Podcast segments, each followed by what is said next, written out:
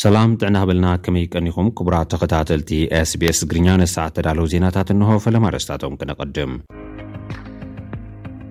ቀዳማይ ሚኒስትር ኢትዮጵያ ኣብዪ ኣሕመድ ምስ ፕረዚደንት ሉዓላዊ ቤት ምኽሪ ሪፓብሊክ ሱዳን ጀነራል ዓብዱልፋታሕ ኣልቡርሃን ተዛትዮ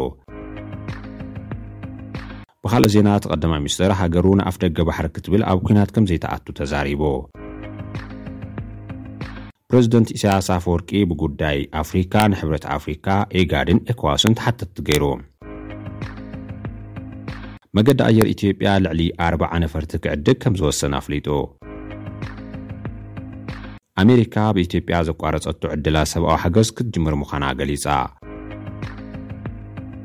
ቤት ፍርዲ ብሪጣንያ፣ ስደተኛታት ናብ ሩዋንዳ ምልኣኽ ንዝብል ውጥን ነጺግዎ ዝብሉ ነሳሕ እተዳለዉ ዜናታት እዮም። ናብ ዝርዝራቶም ክንቅጽል።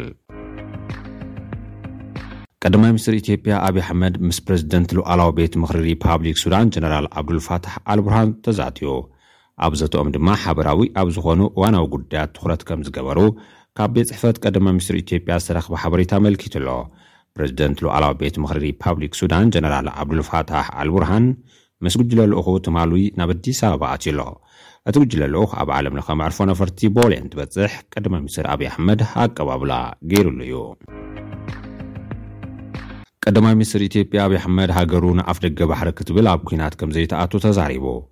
ቀዳማይ ሚኒስተር ኣብይ ብሰሉስ ምስ ኣባላት ቤት ምኽሪ ኣብ ዝነበሮ ፃንሒት፣ ሃገሩ ንኣፍደገ ባሕሪ ክትብል ኣብ ኲናት ከምዘይትኣቱ እዩ ደጊሙ ተዛሪቡ ዘሎ።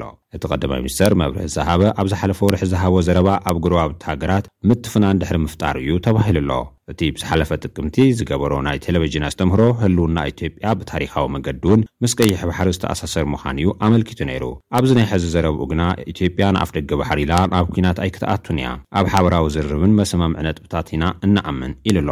ኣስዒቡ ድማ ናብ ኲናት ከም ዘይንኣቱ ከረጋግጸልኩም እፈቱ፣ ብኻልእ መገዲ ምእኹልን ኣግባብን ግን ኣፍደገ ባሕሪ ንምርካብ ካብ ምጽዓር ኣይንቑጠብን ኢና ክብል እዩ ኣብ ፓርላማ ኢትዮጵያ መብርሂ ሂቡ ዘሎ።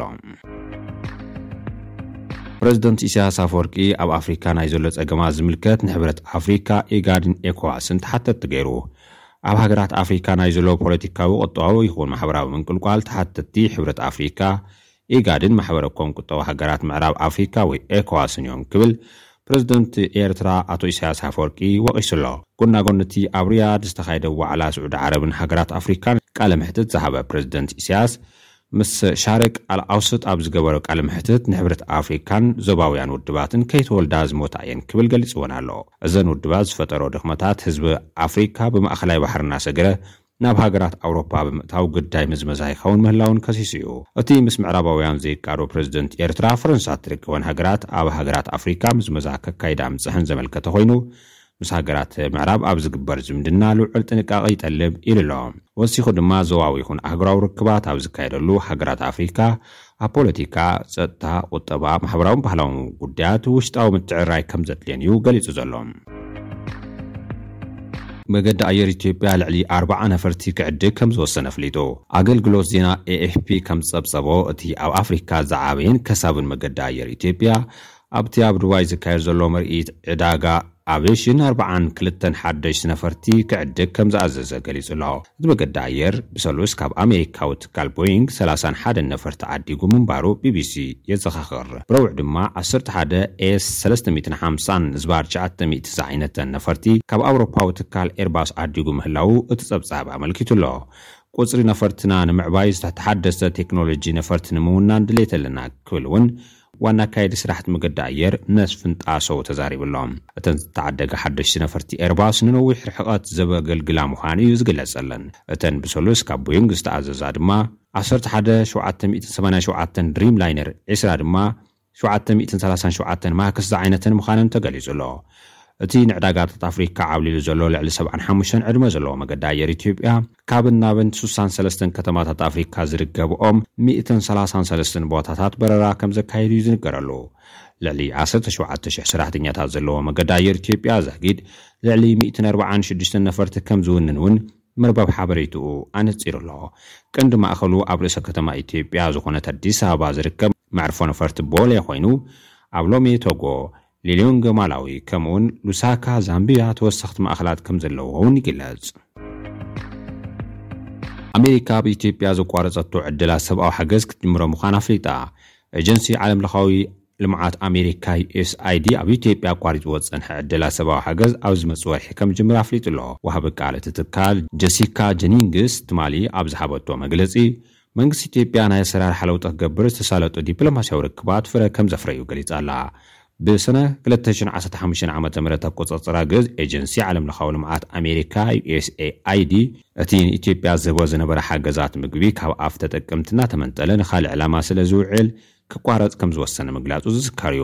መንግስቲ ኢትዮጵያ ነቲ ዩኤስኣይዲ ግብራዊ ዝገበሮ ውሳነ ምቁራጽ ሰባዊ ሓገዝ ፖለቲካዊ'ዩ ክብል ኣብቲ እዋን ተቓዊምዎ ነይሩ'ዩ። ጀሲካ ጀኒስግስ ግን እቲ ዝመጽእ ወርሒ ዝጅምር ዕደላ ሰባዊ ሓገዝ ናይ ሓደ ዓመት ናይ ፈተነ እዋን ከምዝኾነ ብምሕባር እቶም በቲ ትካል መንግስቲ ኢትዮጵያን ትካላት ረድኤትን ዝትግበሩ ምትዕርራያት ውጽኢታውነቶም ብቐጻሊ ክግምገም ምዃኑ ገሊጻ'ላ።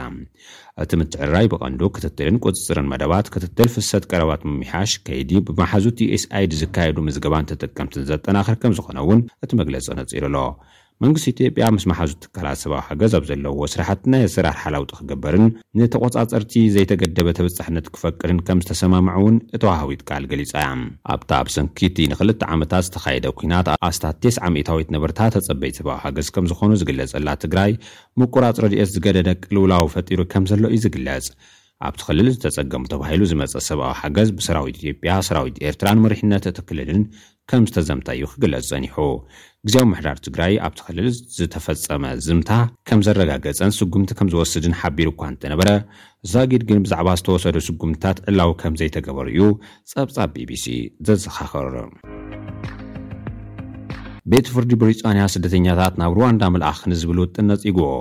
ጠቕላሊ ቤት ፍርድ ብሪጣንያ፣ መንግስቲ ንገለ ስደተኛታት ናብ ሩዋንዳ ንምምላስ ዝሓዞ ውጥን ዘይሕጋዊ እዩ ክብል ወሲኑ ኣሎ። ሓሙሽተ ዳያኑ ዝሓዘ ናይታ ሃገር ዝለዓለ ቤት ፍርዲ ብረቡዕ ዓሰርተ ሓሙሽተ ሕዳር ክልተ ሽሕን ዕስራን ሰለስተን ዓመተ ምህረት ኣብ ዘሕለፎ ውሳነ፣ እቶም ሓተቲ ዑቕባ ርዋንዳ ምስ በጽሑ ናብ ሃገሮም ክጥረዙ ተኽእሎ ከም ዘሎ ገሊጹ ኣሎ። እቲ ውሳነ ነቲ ዓለም ለኸ ኣቓልቦን ነቐፌታን ዝሰሓበ ቀንዲ ፖሊሲ መንግስቲ እንግሊዝ ዝጸለወ ምዃኑ እውን ተገሊጹ ኣሎ።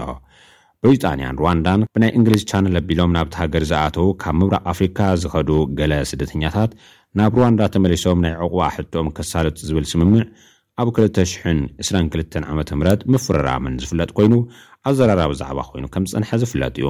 ሕዚ ግን ቤት ፍርዲ ብሪጣንያ ነቲ ዝተገብረ ስምምዕ ከም ዘይቕበሎ እዩ ገሊጹ ዘሎ።